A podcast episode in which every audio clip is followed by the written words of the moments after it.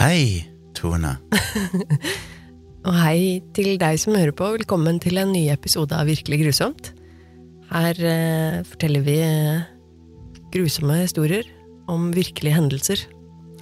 Eh, og eh, før vi går videre, så skal jeg tillate meg å gjøre litt sånn Ta de der vanlige reklamene, men også eh, trygle og be til dere som hører på om å fortsette å sende oss tips. Det er så fint at dere gjør det. Vi har nemlig en uh, innboks uh, på mailen virkeliggrusomt at gmail.com, hvor vi mottar tilbakemeldinger og tips og, og, sånne ting fra dere som vi syns er veldig kult. Uh, alltid fint å ha, ha, masse tips liggende, for da har vi alltid noe vi kan plukke fra hvis vi ikke kommer på noe spesielt sjøl.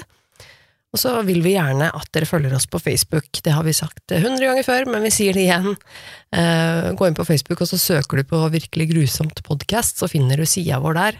Det er veldig kult for oss eh, å få følgere der, eh, og få tilbakemeldinger på episodene våre og sånn, og folk kommenterer på postene vi lager om hver episode med linker og sånn, så kan du liksom rate det sjøl på grusomhetsskalaen og lage en liten kommentar, og det er alltid gøy å lese kommentarene deres.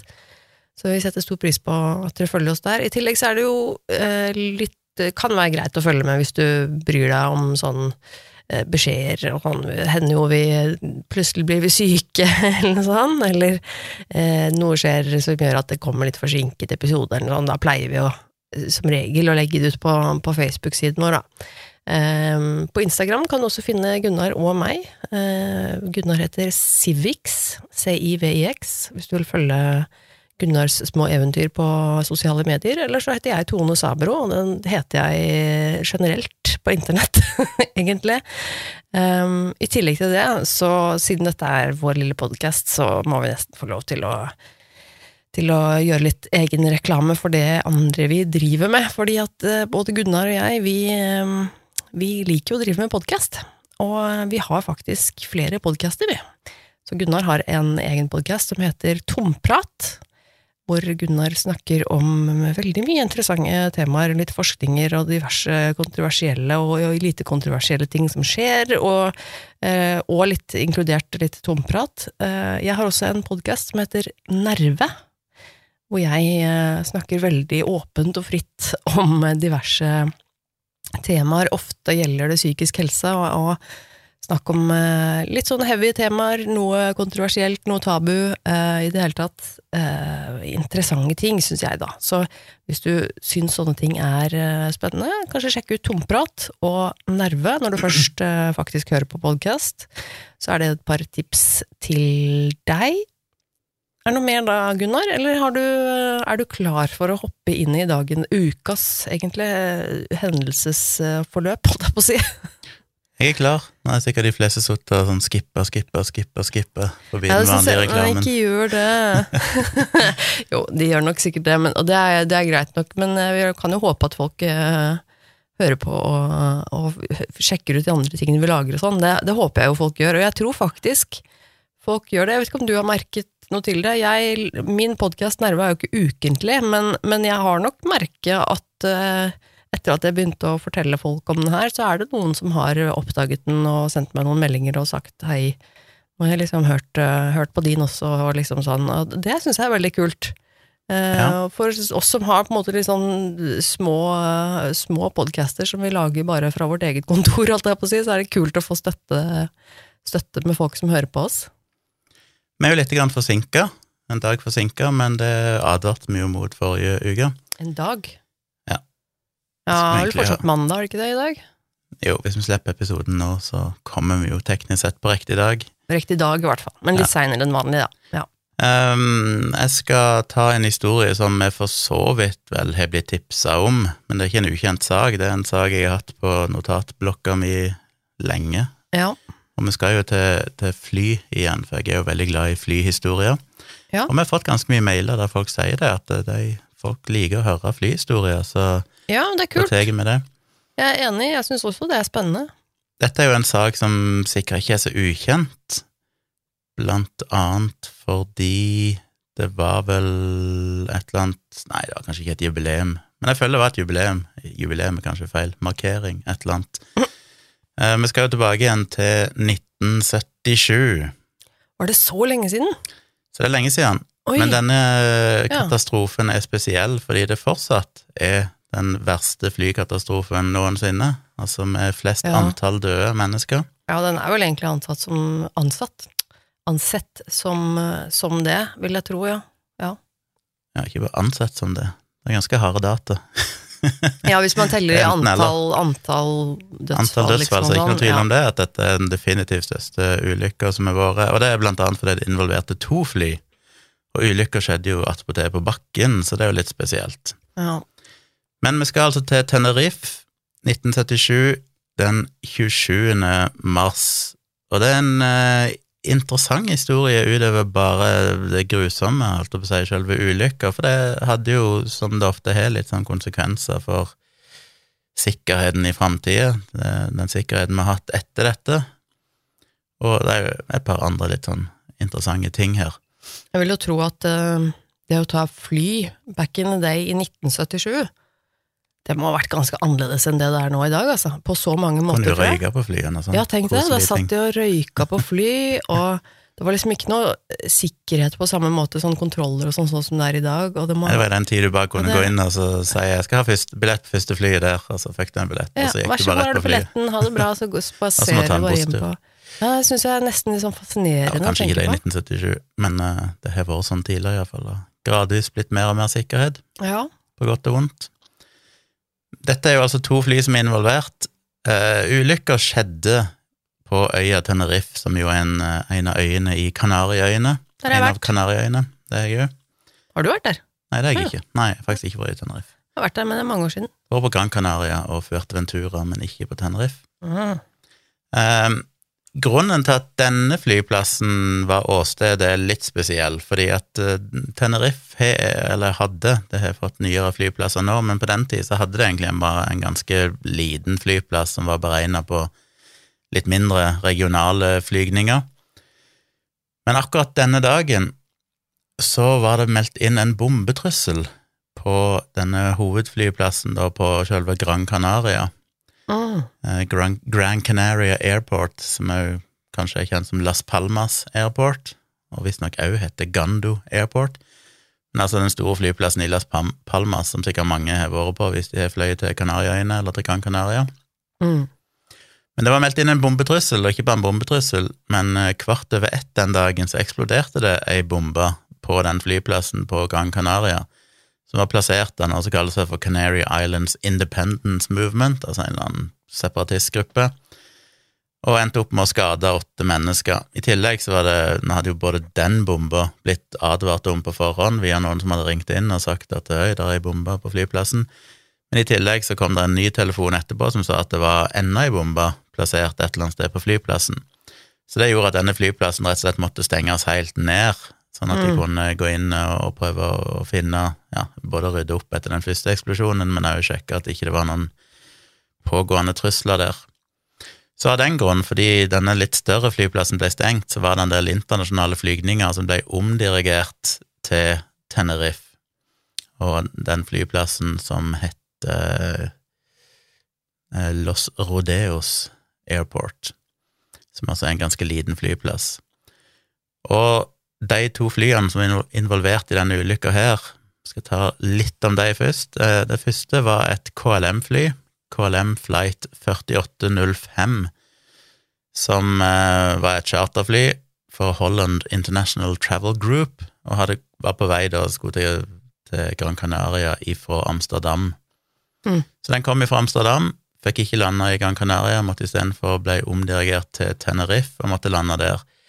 Kapteinen på dette flyet heter Jakob Feldhuisen van Santen, 50 år gammel, som er litt interessant figur, at han var veldig, veldig erfaren. Han var den fremste liksom, som drev med flyopplæring, flytrening, pilottrening i KLM, og du kan finne ansiktet hans på sånne reklameplakater for KLM og sånn, så han var liksom en sånn kjent ansikt på, ja, i KLM, da. Ja. 50 år gammel. Styrmannen heter Claes Maurs, 42 år gammel, og flymaskinist Wilhelm Schreuder, 48 år gammel. Og alle disse var veldig erfarne eh, piloter, eller kabin, hva heter det, ja, piloter og eh, styrmann og flymaskinist, erfarne folk. Mm. Dette flyet var en eh, Boeing 747-206B, eh, ja, som hadde 14 i kabinpersonellet, 235 passasjerer, som inkluderte 52 unger. To, det var såpass stort, ja. Ja, det var poeng 747, det er jo stor fly. Ja, å ja, 747. Ja, se, ja, nettopp, ja. De aller fleste var nederlendere, men det var jo fire tyskere, to østerrikere, to amerikanere. Og etter at de hadde landa på flyplassen i Tenerife, så ble alle passasjerene tatt av flyet og transportert til flyplassterminalen for å vente til de kunne liksom reise videre, da.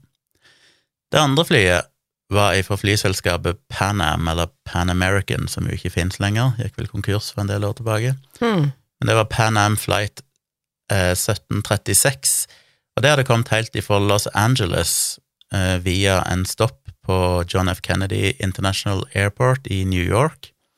Det var jo et Boeing 747 og hadde kallenavnet Clipper Victor. Og det flyet er jo litt interessant, for det er faktisk det aller første Boeing 747-flyet som ble levert til et flyselskap, og var òg det flyet som gjorde den første kommersielle turen som noen Boeing 747-fly noen gang gjorde, tilbake i 22. januar 1970. Mm. Så det var sånn sett et uh, litt sånn berømt fly. Ja. Mange av dere har nok fløyet med Boeing 747, men dette var altså det første kommersielle 747-en som var i lufta. Og i tillegg, ganske kort tid, etter, et halvt år etter det først eh, begynte å flyge, den 2. august 1970, så er det òg det første 747-flyet som ble kapra Oh. på vei mellom JFK og en flyplass i eh, Puerto Rico, så ble det kapra og måtte lande på en annen flyplass i Cuba og et eller annet sånt. Vet hva dette samme flyet? akkurat dette flyet. Ja. Så det er både det første 747 som var i kommersiell drift, og det første 747 som noen gang ble kapra av noen. Så sånn sett var det litt eh, spesielt fly. Og så da etterpå involvert i den verste katastrofen i Så ever, så det er jo begivenhetsrikt ja. Jeg vil si jeg fikk kjørt seg det flyet der. På dette flyet så var det hele 380 passasjerer, der de aller fleste var pensjonister, men det var visst to unger på flyet òg. 14 av de hadde kommet på flyet da det mellomlanda i New York, og der hadde jo hele kabinpersonellet blitt bytta ut. Så det besto nå av kaptein Victor Grubbs, 56 år gammel, styrmann Robert Bragg, 39 år gammel, og flymaskinist George Warnes, 46 år gammel, pluss 13 andre flyvertinner og flyverter. Sikkert bare flyvertinne i den tida. Ja. Igjen veldig erfarent eh, personell. Eh, kapteinen hadde fløyet over 21 000 timer, blant annet. Så erfarne, erfarne folk. Så til selve ulykka, det er litt sånn eh, komplekst å sette seg inn i, så her må dere visualisere kanskje litt hvordan dette her ser ut. Ja. Begge disse flyene hadde jo altså da blitt eh, omdirigert til Tenerife, der de egentlig ikke skulle ha landa. Så skjedde denne bom på grunn av denne bomba og alt det der som skjedde. Og dette var som sagt en ganske liten flyplass, og det var totalt fem store internasjonale flighter som ble omdirigert til denne flyplassen denne dagen, som tok opp eh, ganske mye plass. Dette Pan Am-flyet fra Los Angeles via New York, de hadde først sagt at de ville heller bare liksom kretse rundt flyplassen, for de hadde bensin nok, eller fly, drivstoff nok til å holde seg i lufta i to timer. Men de fikk beskjed om at nei, de måtte, måtte heller lande i Tenerife. Mm. Um, denne flyplassen i Tenerife har bare én rullebane, og så er det én eh, sånn taxiway, altså en sånn parallellgående eh, vei der flyene kan taxe før de kommer til rullebanen. Mm. Så du kan se for deg to lange, parallelle Som et ellevetall, på en måte, da. Og mellom disse to så er det fire litt sånn korte avstikkere som binder de sammen. Mm. Men de går ikke vinkelrett på. Noen av de, altså de går litt på skrå, så noen går skrå den ene veien, og noen går skrå den andre veien. Mm. Så det er det dere, må se for dere. Men på grunn av at det måtte lande så mye som fem store internasjonale flighter der, så måtte jo de stå på denne taxiwayen, vet ikke hva det heter på norsk. Ja, iallfall denne her eh, sidebanen. Og eh, det tok opp mye plass, og det betydde at når flyene skulle kjøre til enden av rullebanen for å liksom begynne takeoff, så kunne de ikke kjøre på den taxiwayen, altså den parallelle sidegata der de normalt ville ha kjørt. De måtte istedenfor, for den var jo allerede fylt opp med fly, så derfor måtte de bruke selve rullebanen og kjøre langs den helt til enden, før de da snudde 180 grader og gjorde seg klar til takeoff. Mm. Det kalles en såkalt backtaxi, når de må kjøre i motsatt retning på, Mm. på rullebanen for å gjøre seg klar. Ja. Um, til slutt så sa eh, myndighetene at eh, Gran Canaria-flyplassen nå var åpen igjen. De hadde ja, sjekka at alt eh, var i orden der, så flyene kunne begynne å ta av og reise da fra Tenerife og til Gran Canaria, som ikke er en veldig lang tur, der de egentlig opprinnelig skulle. Så Pan Am-flyet var det første flyet som skulle ta av, men dette KLM-flyet hadde plutselig bestemt seg for, eller kapteinen der hadde bestemt seg for at han ville eh, fylle på drivstoff i flyet mens de sto der, okay. fordi da sparte han en del tid, heller enn å liksom først flyge til Gran Canaria, og så fylle på drivstoff, og så flyge videre derifra. Mhm. Så jeg tenkte når de allikevel sto der og venta, så kunne de like godt fylle opp tanken. Mhm. Så det gjorde han. Men på grunn av det, så ble jo han, det flyet, det KLM-flyet, og en sånn bil med drivstoff, ble stående og sperra utgangen, sånn at det var ikke så veldig Det var ikke mulig for Pan Am-flyet å komme forbi. Sto, sto hvor hen, på en måte? Nei, på den borteste veien som forbinder taxiwayen med rullebanen, så sto okay. de liksom helt i enden av taxiwayen der. Ja. Men Pan Am-flyet kunne ikke komme forbi KLM-flyet, og KLM-flyet sto og ble, eh, fikk nytt drivstoff. Så derfor ble de ytterligere forsinka da, måtte vente i 35 minutter før KLM-flyet endelig var liksom fylt opp og kunne flytte seg litt, sånn at dette Pan Am-flyet kunne kjøre forbi og inn på rullebanen, og da kjøre hele lengden av rullebanen til motsatt ende, da det da skulle snu og gjøre seg klar til takeoff. Fordi som sagt, denne taxiwayen var allerede fylt opp med andre fly, så de kunne ikke kjøre på den. Mm. I tillegg, så, tillegg til denne forsinkelsen fordi dette KLM-flyet skulle fylle drivstoff, så var det òg en familie på fire nederlendere som de ikke klarte å finne i farten og sånn. Så det tok litt tid å, å finne dem og få de tilbake igjen på flyet, så det ble en del forsinkelser her.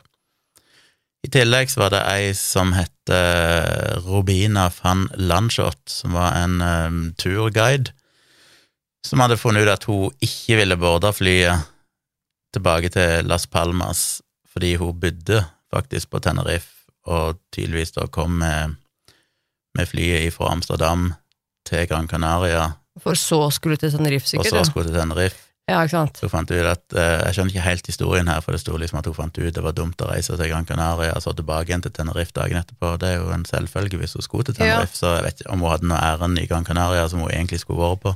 Nei, men hvis Men det flyet ikke... egentlig skulle fra Amsterdam til Gran Canaria, så skulle hun hjem til Tenerife derfra, så er det jo klart. For det ble jo Jeg skjønner godt hvorfor hun gjorde det hvis det var historien, men det virker som at hun egentlig burde ha vært på Gran Canaria en dag, Oh, ja.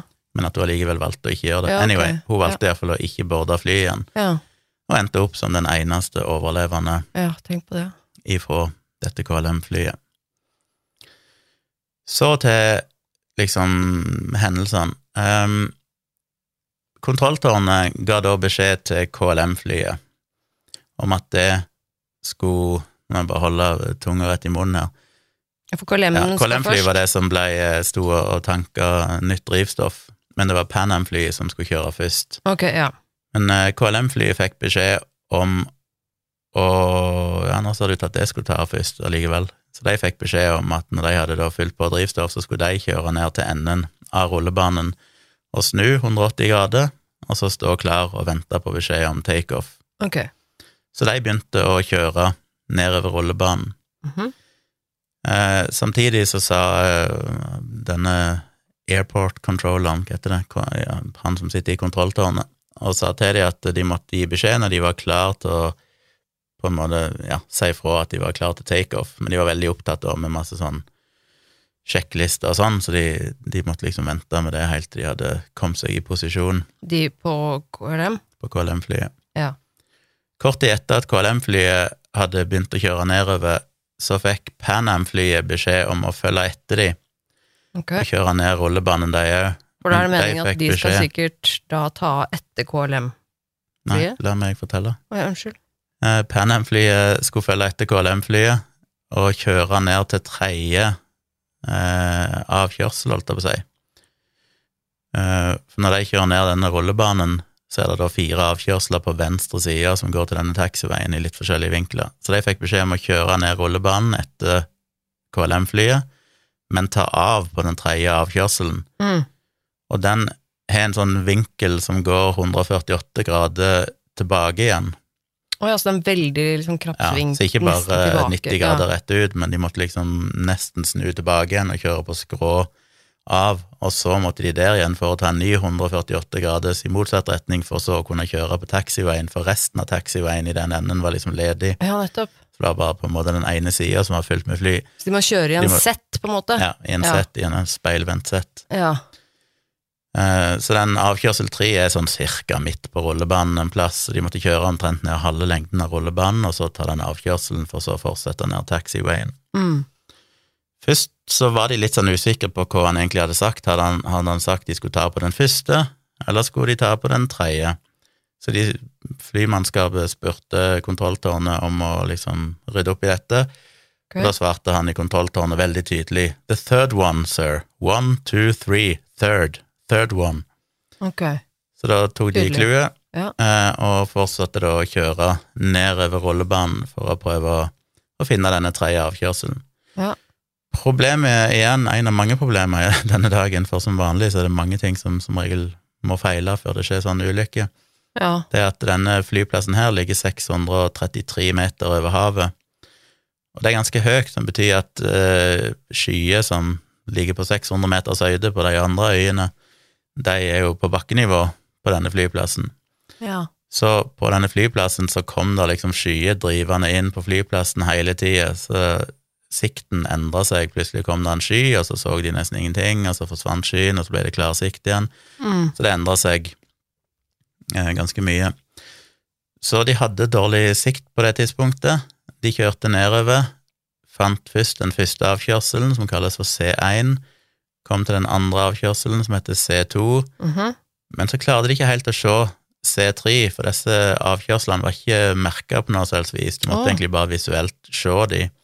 Ja. Når du sitter oppi et høyt fly, og svære fly som 747, så er du ganske høyt over bakken, og det er dårlig sikt og alt det der. ja, pluss at den var de- veldig, veldig krapp, da. Den kom jo nesten bakfra, på en måte. Den på Mm. siden der, da. Den ble på en måte veldig Ja, jeg skjønner. Så de var rett og slett ikke helt sikre på hvor de var, og endte opp med å kjøre forbi den tredje avkjørselen. Ja. Så det har vært litt diskusjoner om hvorfor valgte kontrolltårnet å gi de beskjed om å kjøre av på nummer tre. For hvis de hadde heller kjørt av på nummer fire, så går den i motsatt retning, så da hadde de bare trengt å liksom snu 35 grader ja da det hadde det vært en, en, slagsving. Ja. istedenfor å snu helt tilbake igjen.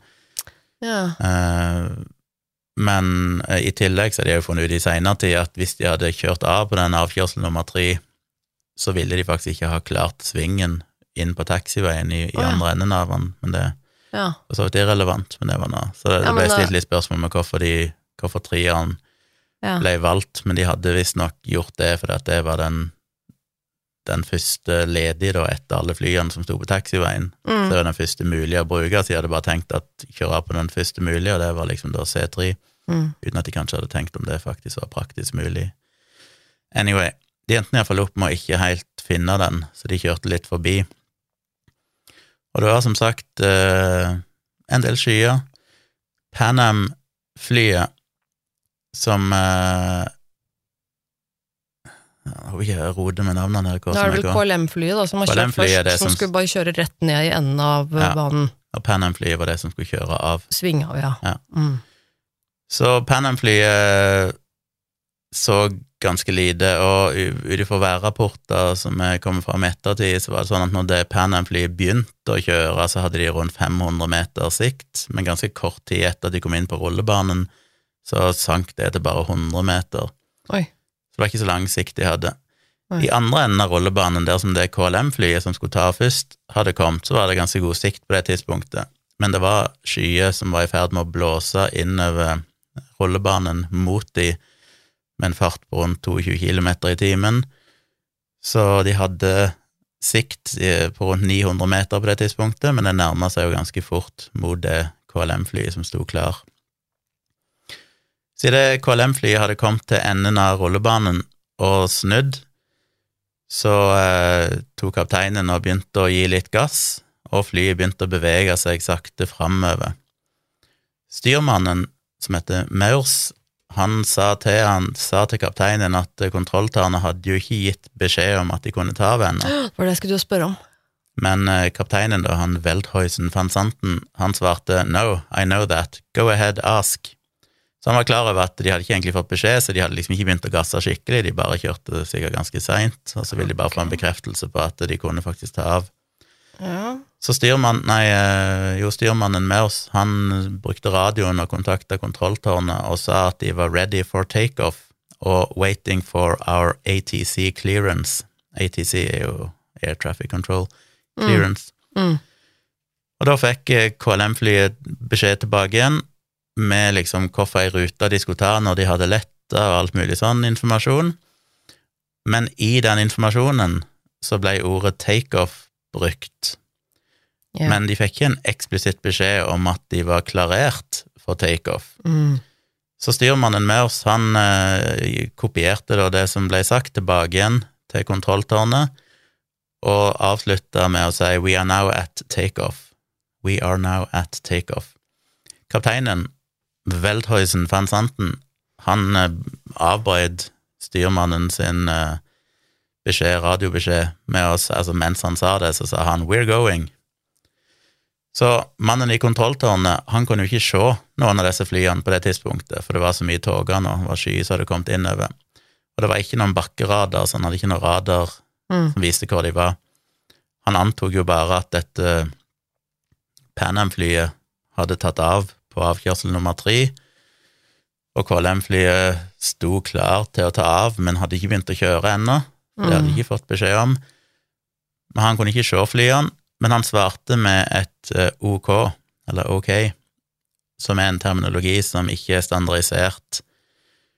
Og det bekrefta jo egentlig kapteinen på det KLM-flyet sin misforståelse om at de hadde godkjenning da for å ta av. Ja. Ehm, fordi, ja, det siste som ble sagt fra flyet, var jo 'now at takeoff', og så fikk de til svar liksom 'ok'. ja. Så det var jo en litt uheldig misforståelse. Det han i kontrolltårnet nok trodde de mente, var at de var klar for takeoff, men ikke at de faktisk hadde starta takeoff-prosessen. Så når han sa ok, så var det mer bare en sånn bekreftelse på at ok, jeg har mottatt beskjeden, dere er klar, liksom, Mm. men ikke at de faktisk hadde begynt å kjøre. Like etterpå så sa kontrolleren, etter han hadde sagt ok, så sa han stand by for takeoff, I will call you som er veldig tydelig tegn på at han hadde ikke forstått det som at de var i ferd med å ta av, men at de fortsatt skulle vente. Problemet var at akkurat samtidig så kom det et radioanrop fra Pan Am-flyet som gjorde at det ble en interferens, som gjorde at på KLM-flyet så hørte de bare en tre sekunder lang skrikelyd, eller ja, stygg lyd. Oi.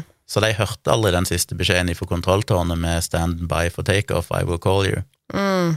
Samtidig så sa, eller det Pan Am-kapteinen, eller de på Pan Am-flyet, det de sa i denne radiomeldinga, var We're still taxiing down the runway, the Clipper 1736. Men den beskjeden ble krasja jo med den andre, så verken kontrolltårnet eller de på KLM-flyet hørte den beskjeden heller, så ingen fikk høre det at de sa at de var jo på vei ned. Oh. Men det tyda jo på at på Pan Am-flyet så hadde de hørt denne kommunikasjonen med KLM-flyet og skjønt at liksom og Har de tenkt å ta av, liksom? De må jo ikke gjøre det, vi kjører jo fortsatt på rullebanen her. Ja. Uansett, ingen hørte disse meldingene. Og ettersom eh, toget og skyer gjorde at eh, ingen av flyene kunne se hverandre, og kontrolltårnet ikke kunne se flyene, så var det ingen som egentlig visste hva som skjedde.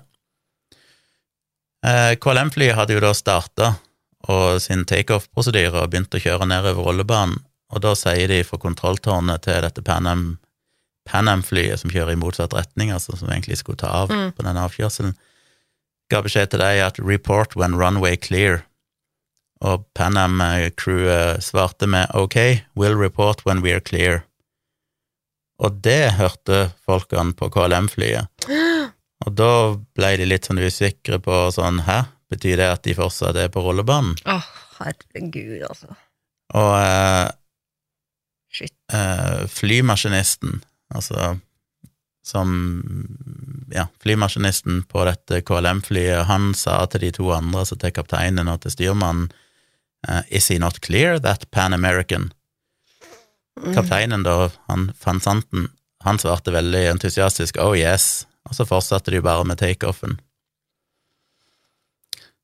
Resten av dette har de jo egentlig bare for cockpit voice-recorderen, men du kan høre da at uh, kapteinen på Pan Am-flyet, som altså er det som kjører i motsatt retning, ikke det som tar av, som plutselig sier 'there he is', fordi han ser plutselig lysene på. KLM-flyet som kommer mot de akkurat idet de nærmer seg avkjørsel C4, for de har jo kjørt for langt. da. Mm. Um, så begynte det å bli klart at KLM-flyet ga full gass, og de begynte å nærme seg den farten de trengte for å faktisk lette, og kapteinen roper 'God damn, that son of a bitch is coming', og styrmannen roper 'Get off, get off, get off'. Kapteinen ga da full gass på dette Pan Am-flyet og svingte hardt mot venstre i et forsøk på å bare kjøre ut på gresset, liksom, bare komme seg av rullebanen. Men eh, det var ikke tidsnok. Til slutt så så jo da KLM-pilotene dette Pan Am-flyet, men da hadde de jo altfor stor hastighet til at de kunne bremse, så i ren desperasjon så bare prøvde de å lette. Ja. Rotated the aircraft, som det ja. kalles. Du prøvde å, å se om de klarte å fly over det, liksom. Ja, så de prøvde bare i full fart, selv om de egentlig ikke hadde nok hastighet, så prøvde de Mm. bare å dra opp flyet, som gjorde at halen slo ned i asfalten eh, og skrapte borti 22 meter langs eh, rullebanen. Um, KLM-flyet var på dette tidspunktet 100 meter ifra Pan Am-flyet og kjørte med en hastighet på 260 km i timen, og da letta det, så det letta seg fra bakken 100 meter ifra flyet. Mm. Og eh, nesetuppen, holdt jeg på å si, den kom seg over Pan Am-flyet, men begge motorene, de store jetmotorene som henger Mm. under vingene, pluss underdelen, altså båndene av flyet, pluss landingsstellet, traff jo da rett inn i høyre side på taket av Pan Am-flyet. Ja. Eh, Så understellet reiv egentlig av hele taket og sida på dette Pan Am-flyet, omtrent rett over vingene på han, mens den høyre sida av flyet ble revet i fillebedet av eh, den ene motoren til flyet, Mm. rett bak cockpiten. Så KLM-flyet klarte å lette og holdt seg i lufta bitte grann, men selve krasjet gjorde at eh, den venstre motoren ble revet helt av vinga, pluss at masse metallbeder og sånn ble sugd inn i, inn i motorene og Mm. ødela vingene og alt dette her, så det var jo egentlig umulig å flyge. Mm. Så ganske fort så bare styrta det ned og traff bakken ca. 150 meter bak Pan Am-flyet og sklei ned rullebanen i rundt 300 meter. Men dette KLM-flyet hadde jo nettopp tanka opp. Det hadde jo fylt opp med og var fullasta med drivstoff, som nok òg var en av årsakene til at det kanskje ikke klarte å lette fort nok, um, men i tillegg da førte til at eh, det ble en enorm eksplosjon og brann som eh, varte i mange, mange timer før de til slutt klarte å slukke det. Hvordan er det, å flyet da hadde først prøvd å lette og skrensa over uh, Pan Am-flyet og ødelagt hele undersiden og treffer bakken da 150 meter lenger bort og sklir bortover, så bare tar det fyr. Altså, det eksploderer, eller? Ja, det var en stor eksplosjon, og ingen i det flyet overlevde. Ingen i KLM-flyet som prøvde å lette, overlevde. Alle ble drept eh, primært av brannen, rett og slett. Ja. Eksplosjonen. Um, litt ironisk, etter den ulykka, jeg skal fortelle mer, da, men litt etter ulykka så ble jo faktisk kapteinen uh, Feldhuysen van Santen, som jo var denne veldig kjente KLM ja, på KLM, ja. Mm. han ble jo faktisk anbefalt til å være med på, på å etterforske denne ulykka, fordi de var ikke klar over at han faktisk var kapteinen på det ene flyet som var med i ulykka. For han var jo liksom ansett som den beste, han. Han Ja, var jo han var såpass erfaren at de ville faktisk ha han med i etterforskninga, men det oh, var jo kanskje ikke så greit. Alle 248 passasjerer og hele besetningen på KLM-flyet døde. I Mange sa tillegg du? 248. 248, shit. Det er inkludert, var det inklusiv crew. Det er mange, altså. Eh, KLM, de hadde mm, Ja, det var inklusiv crewet, så altså alle Ja. 248 var alle som var på flyet, ja. døde i denne ulykka. På det andre flyet, dette Pan Am-flyet, så døde 335 passasjerer og mannskap, primært på grunn igjen da av brann og eksplosjoner og sånn.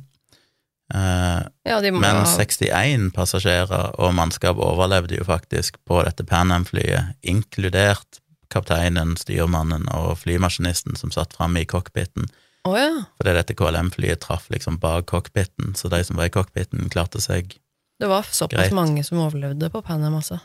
Så de som overlevde, de, de aller fleste, de gikk ut gjennom hullet i skroget og gikk ut på den venstre vinga, den sida som var på en måte på motsatt side der KLM-flyet hadde truffet, Ja. og ble sittende der og vente ganske lenge. Eh, De klarte jo ikke å skru av motoren. Eh, Styrmannen hadde jo prøvd å skru av motoren, men den delen av taket der disse knappene er, den var jo revet av eller ødelagt av flyet som hadde krasja i de, pluss at alle ledninger sånn som førte ifra ja, Ja, er cockpiten og bak var revet av, så de hadde jo null kontakt med ja. maskineriet, så de klarte ikke å skru av motoren og sånn. Hm. Eh, I tillegg så var jo ikke redningsmannskapet klar over at det var to fly involvert i hendelsen, så de så bare det ene flyet, dette KLM-flyet, som brant 300 meter lenger nede. Ja, så alt redningsmannskapet gikk til dem og jobba med å liksom slokke den brannen og sånn, så det tok ganske lang tid før de oppdaga at oi, det er jo et fly til her. så Shit, altså. men til slutt så fikk de kommet seg der da, og fikk eh, redda de 61 som stort sett satt og venta på vingen eller hadde hoppet ned på bakken. Mm. På dette flyet så var det vel egentlig det er to kjente personer som er nevnt Panam? På eh, Pan Am-flighten, ja, begge de to på Panam-flighten.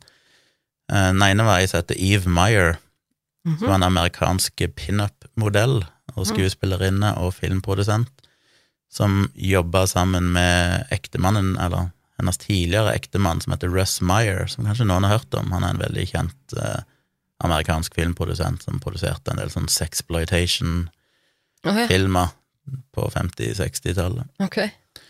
Så hun døde, pluss en eller annen eh, amerikansk eh, politiker, et eller annet sånt. ok. Som, eh, eller guvernør, eller et eller annet. City manager var han visst, i San Jose i California. Så det var de to kjente personene som døde. Men etter den ulykka så skjedde det jo mye. Eh, Først var jo flyplassen stengt i to dager, Ja. og det kom jo etter hvert eh, folk for å etterforske dette her. De måtte jo ta båt i tre timer fra Gran Canaria, eller fra Las Palmas. Så landa det til slutt, og etter to dager, et United, United States Air Force C-130 transportfly som klarte å lande på taxiwayen, Ja, altså ikke på rollebanen, men Ja. på den andre, Ja. eh, som landa da 29. mars, altså to dager etterpå, som hadde med litt folk for å etterforske og sånn, og som òg var det flyet som ble brukt til slutt til å transportere de overlevende og skada passasjerene fra Tenerife til Las Palmas. Etter to dager. Ja. Så de overlevende, de, måtte, de var liksom stuck på den flyplassen i to dager? Ja, tydeligvis. Oi. Jeg vet ikke om noen hadde reist tidligere, men ikke, det står ikke noe her om Nei. alvorlige skader noen av de var. Om det var mindre skader, eller Det er visstnok 61 som blir regna som skadde, som er de samme 61 som overlevde.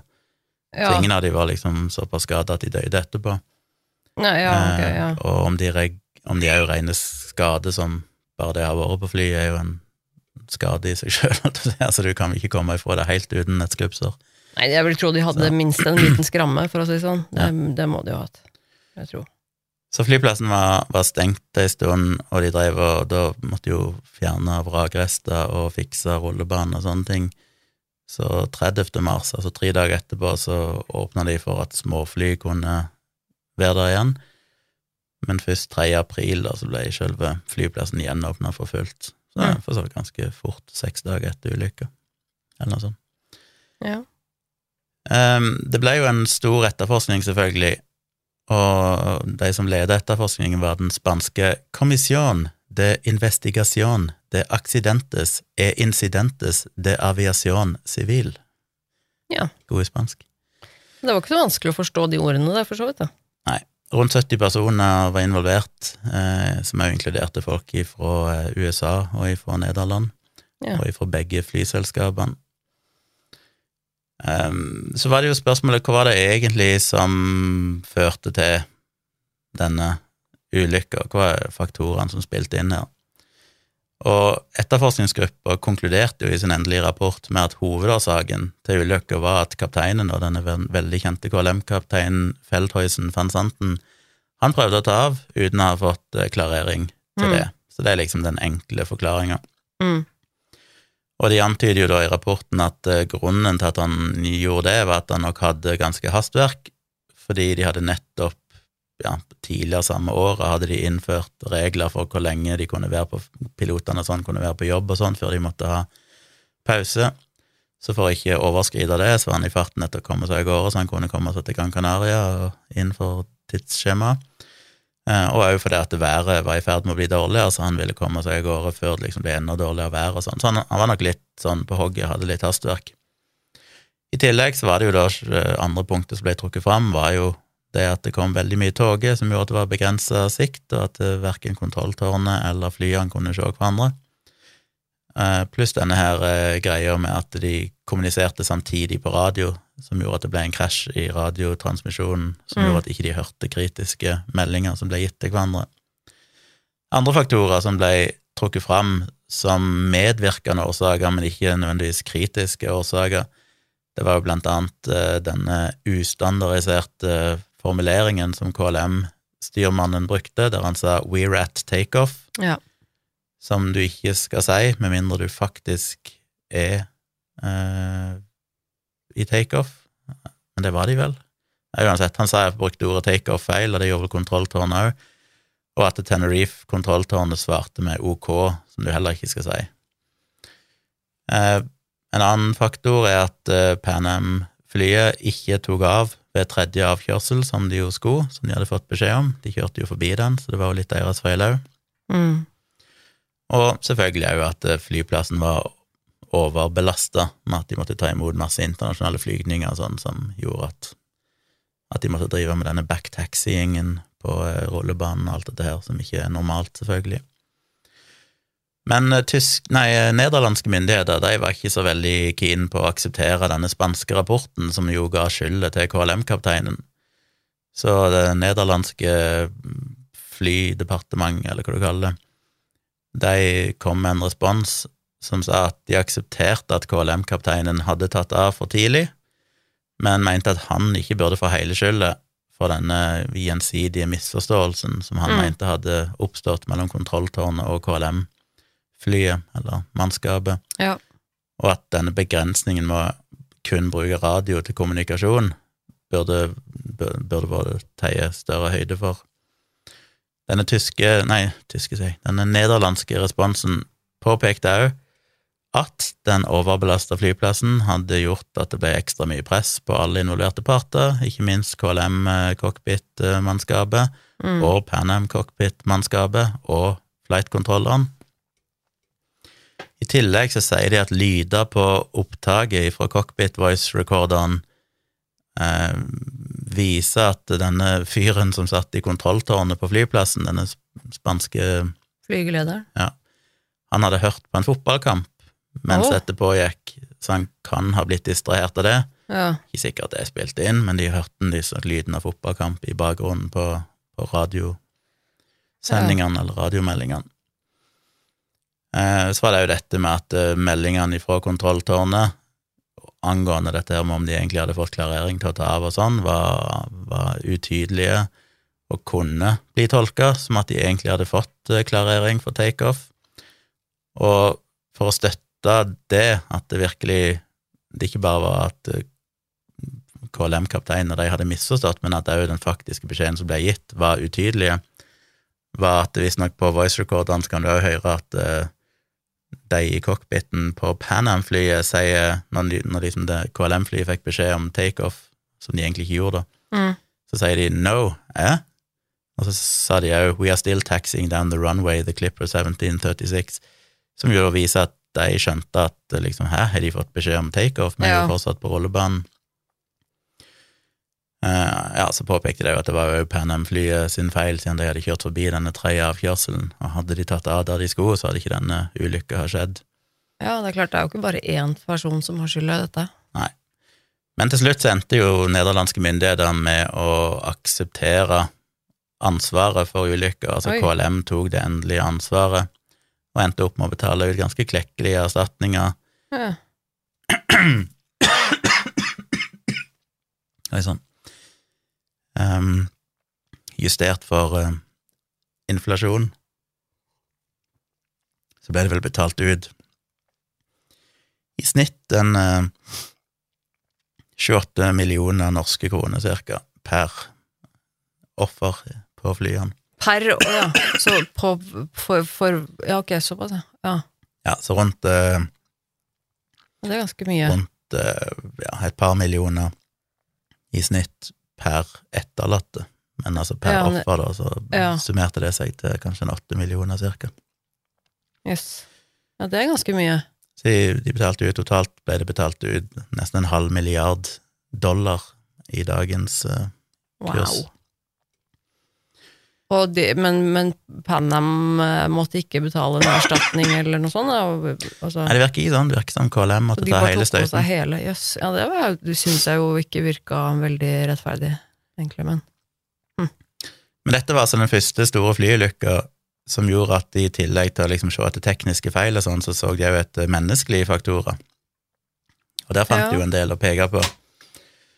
Blant annet at uh, han kapteinen, da, på KLM-flyet, selv om han hadde jobba som kaptein og instruktør i over ti år, og jobba med flysimulatorer jevnlig, så hadde han ikke fløyet noen vanlige kommersielle ruter de siste tolv ukene før ulykka, så kanskje han mangla litt trening, litt erfaring akkurat den siste tida.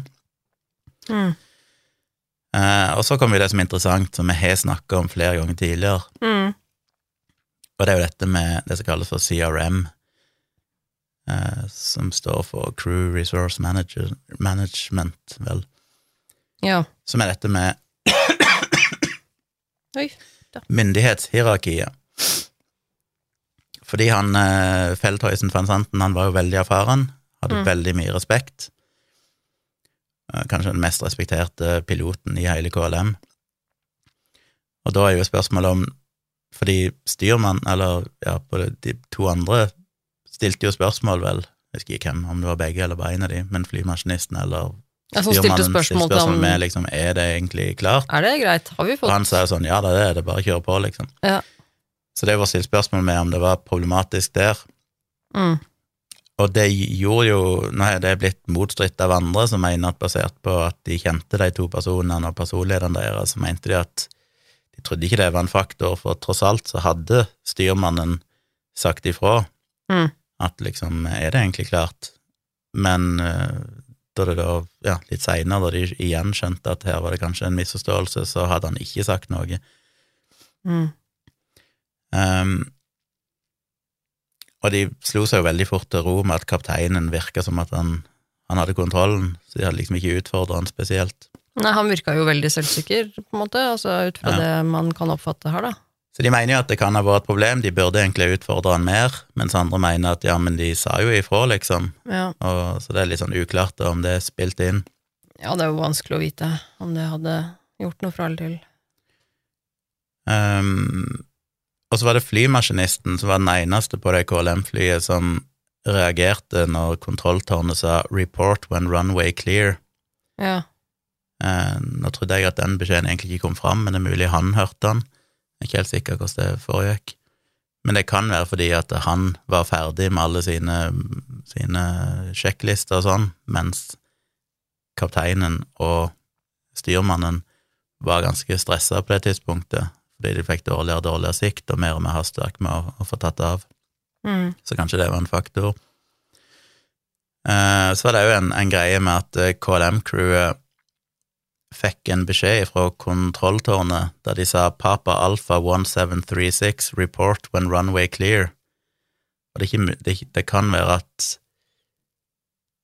eh, de ikke hadde skjønt at det gjaldt det Pan Am-flyet som de visste var på rullebanen, eller som de egentlig trodde hadde tatt av, da, men som de visste hadde vært der tidligere fordi det var den første gang, og den eneste gangen Pan Am-flyet ble kalt dette, for tidligere så hadde de brukt kallesignalet Clipper 1736, som er det Ja. han egentlig skulle vært kalt. Så når de sa Papa Alpha 1736 report when runway clear, så er det ikke sikkert de skjønte at det gjaldt det flyet. De trodde kanskje Nei. det var et annet fly. Huh.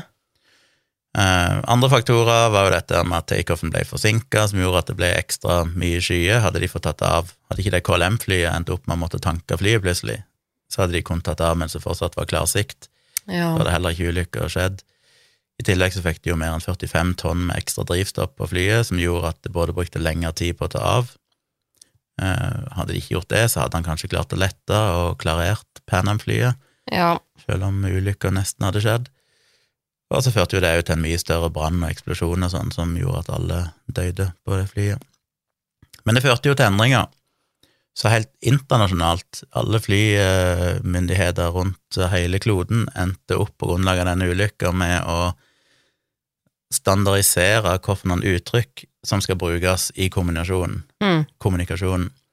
og at det var òg mer, mer vektlagt at nå skulle de alltid bruke engelsk som et felles språk på alle fly, ja. så ikke det skal være noen språkbarriere lenger. Det også, ja.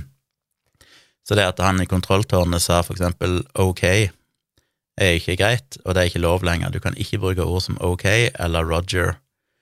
Eh, Det er ikke godt nok. Du skal alltid følge med med en komplett gjentagelse av det som er blitt sagt til deg, for å vise at du har fått hele beskjeden, Mm. og vise at du har forstått det som ble sagt. Ordet takeoff har du bare lov å bruke i to situasjoner, og det er når det faktisk blir gitt klarsignal for takeoff, Mm. eller det klarsignalet blir trukket tilbake. Mm. Så du kan kun bruke det i forbindelse med cleared for takeoff eller cancel takeoff clearance. Mm. Og det er Fram jo til, Ja, unnskyld. ja, frem til det punktet, fram til det faktisk er helt klart at du kan ta av, så skal de bruke ordet departure istedenfor. For eksempel, de kan si ready for departure, Mm. men det betyr ikke at du faktisk kan ta av, det betyr bare at du er klar til å begynne prosessen, du ikke fått godkjenning ennå.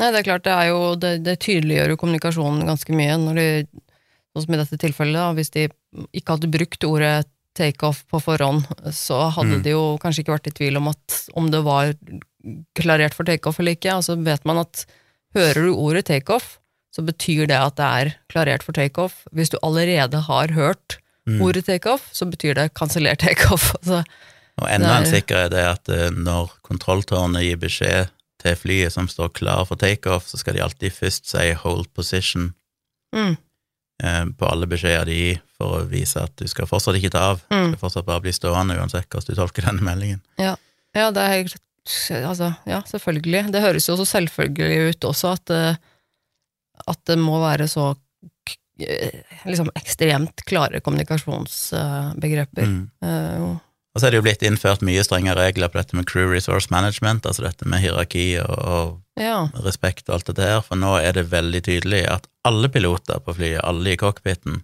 uansett hva erfarne de er, om det så er første gang du flyger, eller hva som helst, og du sitter med en pilot som har fløyet i 20 år, så har du lov til å motsi hverandre, Mm, og du er forplikta til å si ifra, liksom, hvis du mener at det er noe her som er uklart. mm. Uh, Det også er jo kjempeviktig. Ja, dette skjedde jo i 77, men det var først i 2006 at det har blitt nå eh, på, påkrevd opplæring for alle piloter.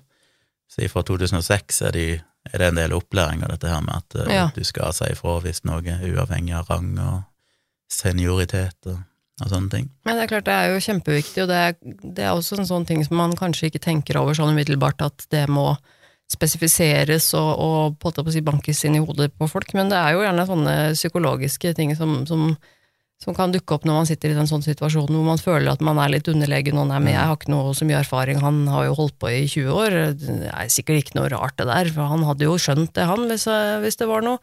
Eller at man er litt redd for å si fra, og, og ikke sant, alt det der, det er jo sånn. Selv om det er en del opplæringer siden 2006, så var vel det et moment òg i den der episoden vi hadde for ikke så veldig lenge siden, med det flyet som kom fra Sør-Amerika til Paris, og som Ja, vi har jo snakket om det. som havarerte over Atlanterhavet, og det var jo etter 2006 iallfall, jeg husker ikke hvilket år det var lenger. Mm. Men der òg var det jo eh, et spørsmål om de egentlig hadde Om det hadde vært for mye respekt for piloten og sånn, eller kapteinen, Ja. at de kanskje ikke helt turte å si ifra. Så det er klart, én ting er jo å, å få opplæring i det, men en annen ting er jo å tørre det. Hvis du føler deg litt sånn uerfaren, så er det ikke bare bare likevel å motsi en, Nei, absolutt, men altså, det, det sier jo litt om hvor viktig det faktisk er å understreke det, da, sånn Ja. utgangspunktet. At, at det faktisk er et tema som må, som må snakkes om på en måte under opplæringen. At man er klar over det. Uh, når det er såpass vanskelig å si fra uansett, på en måte. Det, ja. Men det er altså tidenes største flyulykke. Totalt uh, Hvor mange sa jeg? 583 som døde. 583 Det er ganske er mange mennesker, absurd altså. stort tall, ja. Det er mange mennesker. Shit. Og det er lenge siden, og det er ikke skjedd en så stor ulykke siden, heldigvis. Nei. Men det var historien. Eh, ingen overlevde på eh, KLM-flyet, altså. 61 overlevde på Pan Am-flyet. Ja, jeg hadde jo hørt, um, hørt denne historien her før. Det er jo på en måte noe jeg har fått med meg. Vi, du og jeg er jo litt sånn Ja, litt opptatt av å følge med på litt sånne ting iblant, og har jo sett noen dokumentarer og YouTube-greier om, om flyhavari og, og diverse sånne greier. Det er jo en veldig Veldig kjent hendelse sånn sett, ettersom det er på en måte det som er ansett som den verste, verste katastrofen som har skjedd. Ehm, og det er jo Ja. litt eh, interessant også, jeg husker når vi sitter snakker om det nå, at vi har uh, sett på uh, Var det ikke han, eh, den kanalen på YouTube som heter Mentor Pilot, han svenske piloten som har en Mm. YouTube-kanal som snakker om diverse ulykker og sånn iblant, og også snakket om dette her med, med, med det å det, Hvordan man kommuniserer dette med ordet takeoff og, og sånne ting, at det er ganske interessant, altså. Um, Ja, det er veldig interessant. Eh, vi, legger jo ved noen linker sånn i shownotes og poster på Facebook for de som vil eh, se bilder eller absolutt. Vet noe mer. Det er jo laga diverse dokumentarer og sånn. Hvis dere søker på Tenerife Airport Disaster eller et eller annet sånt på YouTube, så finner dere sikkert tusenvis av videoer som tar for seg denne saken. Og selv om dette her er en forholdsvis uh, kjent uh, sak, og vi pleier jo som regel å kanskje prøve å holde oss til saker som mange ikke har hørt om, men så tenker jeg at det, det er jo likevel Når vi har snakket om såpass mange av den type saker i denne podkasten, så føler jeg at denne, denne hendelsen her den er liksom på sin plass å ha med. Ja, pluss er jeg sikker på temmelig mange som hører dette, aldri har hørt om ulykka. Nei, det kan jo godt hende, altså. sånn. Og, og, ikke, ja, og det er jo også faktisk nå altså, I 77, det er jo så Ja, det var, det var faktisk mye lenger siden enn jeg trodde. Ja. Så det er jo ikke så rart i så fall, om det er mange som ikke har fått det med seg når det er så lenge siden. Nei, jeg var ganske godt voksen før jeg hørte om det, så det er sikkert mange yngre lyttere sånn som sikkert ikke har fått det med seg. Anyway, har du noe vet ikke hva jeg kan si om denne, det er ikke så mye psykologi og greier å diskutere, kanskje. Dette er jo en eh, rimelig sånn teknisk eh, sak, da. Uh, her er det jo på en måte Nå har vi jo vært litt innom skyldspørsmål og, og hva som har skjedd, og, og, og hvilke misforståelser som oppsto. Jeg tenker jo at jeg, jeg, jeg, jeg syns jo det virker litt urettferdig at KLM skal, skal ha hele skylden for ulykken. Eh, Altså, jeg, jeg skjønner at, det, at det, til en viss grad så var det kanskje piloten på KLM-flyet som var mest uaktsom. Ehm, Altså, jeg skjønner det jo på en måte, for like- Pan gjorde jo ikke noe direkte galt. nei, ikke sant? De- Deres feil var at ikke de kjørte av der de skulle, men det ja, var jo de fordi det klarte ikke å faktisk se hvor de skulle kjøre. Og, ja, ikke sant? Og, så her er det på en måte flere faktorer. Og så, og Det er jo mer skjønner, et uhell, det er jo ikke en bevisst Ja. feilhandling, mens det som skjedde på KLM-flyet var jo faktisk rutinebrudd. uaktsomt. Ja. Og, men du kan jo også på en måte skylde på at, at det er ikke sikkert han hadde gjort det, hvis den kommunikasjonen med flygeleder hadde vært tydelig. Nei, men på den annen side så er det klart hvis kommunikasjonen er utydelig, så har jo du ansvar for å safe og si da venter vi til vi er helt sikre, Ja. men det gjorde han heller ikke. Han tok liksom bare tenkte sånn nei, nei, nei, dette går greit, og så kjørte de på. Ja. Jeg tror nok det er riktig at KLM må sitte med ansvaret her, Ja, ja, ja. selv om selvfølgelig var det veldig mange faktorer som spilte inn som de heller ikke hadde kontroll over, men ulykka hadde jo ikke skjedd hvis ikke kapteinen hadde valgt å ta av. Nei, sånn sett er jeg enig. Jeg også mener jo at det var absolutt eh, at eh, KLM som på en måte var den mest uaktsomme parten. Og det men, men jeg tenker jo, ja, ok, ja, altså hvis man må på en måte plassere skylden et sted, så skjønner jeg jo at det ble der, men det er kanskje det jeg mener at ja, kanskje var litt sånn drøyt å bare skylde på dem, men det er kanskje sånn det må bli. De må vel på en måte ha De må vel havne på et eller annet uh, Så erstatningsmessig så skjønner jeg jo at det ville vært Ja, juridisk så må de urettferdig at NM skulle betale noe, for at de gjorde jo egentlig ikke noe som førte til ulykker. mm, Men i rapportene så er det jo allikevel selvfølgelig trukket fram at Panam òg selvfølgelig mm. altså, var medvirkende, men det, det, det var jo ikke fordi de faktisk brøt regler eller gjorde noe ulovlig, det var Nei. bare fordi de ikke fant den avkjørselen. Og de prøvde jo å melde ifra om at de fortsatt var på rullebanen, men så ble jo det en radiokommunikasjon Ja, krasj. nei, jeg, jeg kan var- skjønne at de, de gjorde jo ikke noe galt, på en måte. at de må sikkert øh, plassere skylda et eller annet sted. Men det var en Eh. klekkelig øh, ja, rundt en sånn i snitt åtte millioner da, til de etterlatte per passasjer som døde. Ja, det var mye. Det er jo Ja, det er godt det er såpass mye, for da monner det jo bitte grann. Men litt uh, Litt kjip å poste på inn til KLM at det egentlig var han som var skyld i dette. Selve kapteinen, som figurerte på masse plakater og brosjyrer. Ja. Så det er liksom Jeg Litt uheldig. på, uheldig. lurer på om han øh, jeg, jeg blir jo litt nysgjerrig, da, liksom bare på hva som, som foregikk i hodet hans. Altså om han øh, Om han kanskje Var han litt høy på seg selv? Altså hadde han litt høye tanker om seg selv? Eller, Det er litt ironisk det- at lover som er innført for å begrense ulykker, altså det med at de ikke får jobbe for lenge i strekk uten hvile, ja, òg kan føre til at de faktisk begynner å stresse og gjøre dårlige ting, for de må liksom komme seg fram før denne tida går ut, og sånn, så det kan Ja, det slå begge veier, det.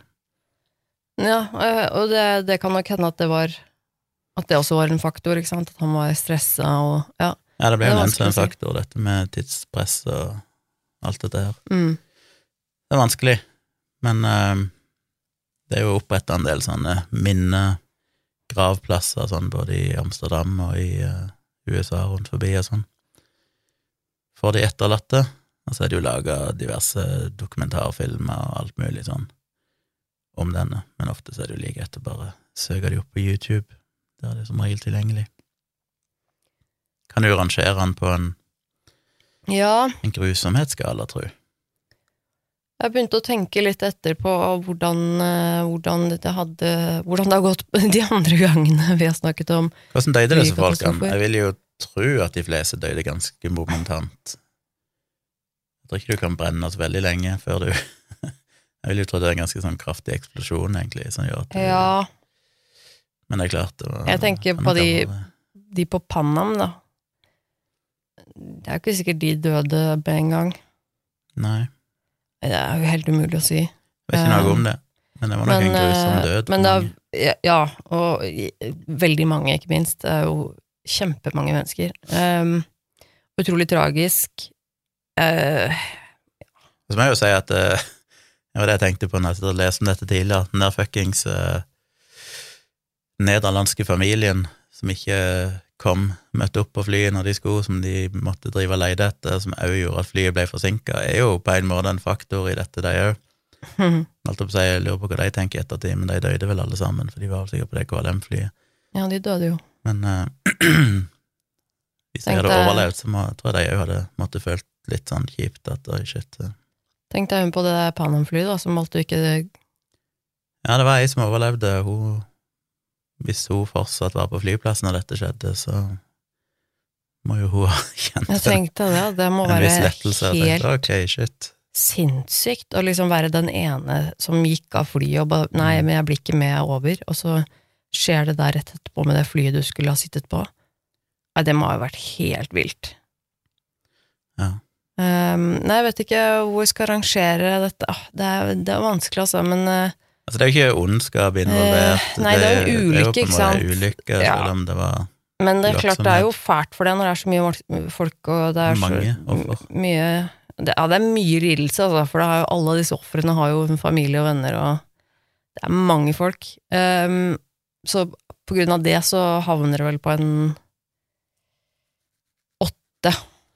Ja, jeg tenkte det samme, egentlig, åtte. Fordi det er, så, det er så omfattende, og det er så mange, det er så, det er så voldsomme greier at det, drar det opp til en åtter. Det er, og eh, jeg tenker jo at det som kanskje gjør at det ikke havner på liksom 9-10, er litt fordi at vi har hørt om andre flyhistorier også som på en måte gir meg mer klump i magen i forhold til hvor mye, hvor mye Ja, For her visste nok ikke passasjerer noen ting før det skjedde. Nei, det er det. det. skjedde. At, eh, at det, er Ikke det er ikke snakk om langvarig eh, holdt jeg på å si tortur og, og psykisk terror med å vite at nå kommer vi til å dø, eller et Mm. eller annet som, som det har vært tilfeller av i andre historier, som, som drar det opp for meg. Her var det jo, vil vi tro da, i hvert fall, forholdsvis um, forholdsvis uh, kjapt, Uh, og, og ikke minst at de passasjerene visste nok mest sannsynlig ingenting. Nei. Eh, for det, det, som foregikk, det som foregikk i cockpiten mellom, mellom pilot og, og flygeleder og, og sånn, det, det er jo ikke noe som passasjerene får høre. Så Altså passasjerene KLM-passasjerene visste vel i noen sekunder ifra de krasja med flyet til de Ja. og eksploderte, og det kan jo ha tatt noen sekunder. ja, Men, uh, Men utenom det så hadde tid. jo ikke de ha fått beskjed om, om noe av det som skjedde, på en Nei, måte. Nei, visste vel ingenting. Heldigvis, liksom. Så nei, jeg, jeg sier åtte. Ja, jeg tror jeg er enig. og vi har flere flyhistorier som jeg har liggende, som jeg tar etter hvert. Så fortsett gjerne å sende inn tips hvis dere har noen tips til gode flyhistorier. Eller toghistorier, eller ferje. Den type Ja. ulykker syns jeg ofte er litt sånn grusomme, for det i motsetning til det å bli kidnappa og torturert og alt mulig sånn, som virker veldig fjernt for de fleste av oss, Mm. Så er det med å reise på offentlig transport og sånn, det Det er noe vi alle kan vi sette gjør. oss inn i, Det liksom. er Det er noe vi kan, med. vi kan liksom se for oss at det er noe som kan skje med de fleste av oss, det å være på en eller annen ferge eller Ja. sette seg på et fly eller noe. Det er, åh, det er eh, Ja. Nei. Men da tror jeg vi runder av. Mailadressen er fortsatt virkelig grusomt at gmail.com. Eh, Gå gjerne inn og rate og review og gi dere stjernene og alt dette her der dere kan. Det betyr faktisk ganske mye for eh, hvor synlig denne podkasten er for andre, om man dukker opp rundt forbi. Og så må dere jo selvfølgelig tipse av venner og bekjente, si at de må sjekke ut podkasten vår. Mm. Eh, Så hadde jeg kikket gjennom tips vi har fått, og da ser jeg at det kommer jo en del tips, eller ikke en del, men i ny og ne er det tips til historier som vi allerede har hatt. Ja. Så Det- det kan være lurt å sjekke gjennom arkivet før dere sender inn tips, ikke dere tips om ting vi allerede har laga episode om. ja. Det er jo Eh, Nå ikke begynner minst jo for det at hvis dere er interessert i den historien, så er han jo allerede der, så Ja. å høre den. eh, det er jo Nå begynner det jo faktisk å bli såpass mange episoder vi har laget, at det kan jo skje at folk eh, tipser om noe som vi allerede har laget. Det jo Ja, det forstår jeg godt, for når jeg skulle ta denne historien, så måtte jeg gå gjennom arkivet sjøl og sjekke har jeg snakket om denne før. Så måtte jeg spørre Tone du har vi snakka om denne Reef-historien. ja. Og det var en annen historie jeg tenkte å ta som jeg var sånn Har vi egentlig snakka om den? Og så måtte jeg sjekke, og så viser jeg jo det her vi jo faktisk. Så. Ja, det er, men det er fort gjort, altså. Det er, jeg merker det sjøl at jeg glemmer eh, en del av de vi, sakene vi har hatt.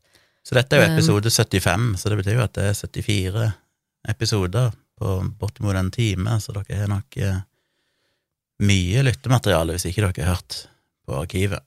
Og i tillegg, eh, i tillegg så vil jeg også si eh, at det er kommet inn enkelte tips, eh, sikkert fra eh, ganske nye lyttere, vil jeg tro, som, som da tipser om veldig kjente saker. Blant annet noen som vil at vi skal snakke om Jeffrey Dahmer og, og sånn. Ja. Og så er det jo ikke noe Altså, takk for tips, altså, uansett, men jeg tror ikke vi kommer til å Og det er ikke fordi at jeg ikke syns Jeffrey Dahmer-saken er veldig interessant, det er en av mine i gåseøyne favorittseriemordere of all time. Jeg syns det er en ekstremt fascinerende sak, men det er noe med det at den er så kjent, og er snakket om så mange ganger i omtrent alle true crime-podcaster, eh, så det er derfor vi prøver å styre litt unna de, de mest kjente sakene, da, bare for å gjøre det litt spennende for dere og for oss, egentlig. Og så er det veldig fint om dere legger ved en link når dere kommer med tips. Det er noen eh, tips der de bare skriver at det var en sak som handler om sånn og sånn, men så er det sånn, ok, da må jeg begynne å google stikkord og se om jeg klarer å finne ut hva de snakker om. Det er litt vanskelig av og Gjerne til å finne. tips om Så, eh, en artikkel eller en YouTube-video eller en Wikipedia eller eller så spesifikt dere kan Ja. med navn og sånn som det går an å google hvis ikke dere har noen link sjøl. Det er veldig nyttig. Men ja, takk for at dere hører på nok en gang. Det er eh, herlig at vi har eh, fått en såpass god lytterskare der ute, altså. Ja, og så satser vi jo på å prøve å være i rute igjen for neste uke. Ja. Kommer med, det kommer iallfall en episode, sannsynligvis, i neste uke, hvis ikke vi får covid igjen. ja, nei, det Å, det gidder jeg ikke, altså. Eller det noe sånt. Uff. Men takk for at du har hørt på, og så eh, fortsett å, å lytte, så er vi tilbake om ei uke. Ha det! Thank you.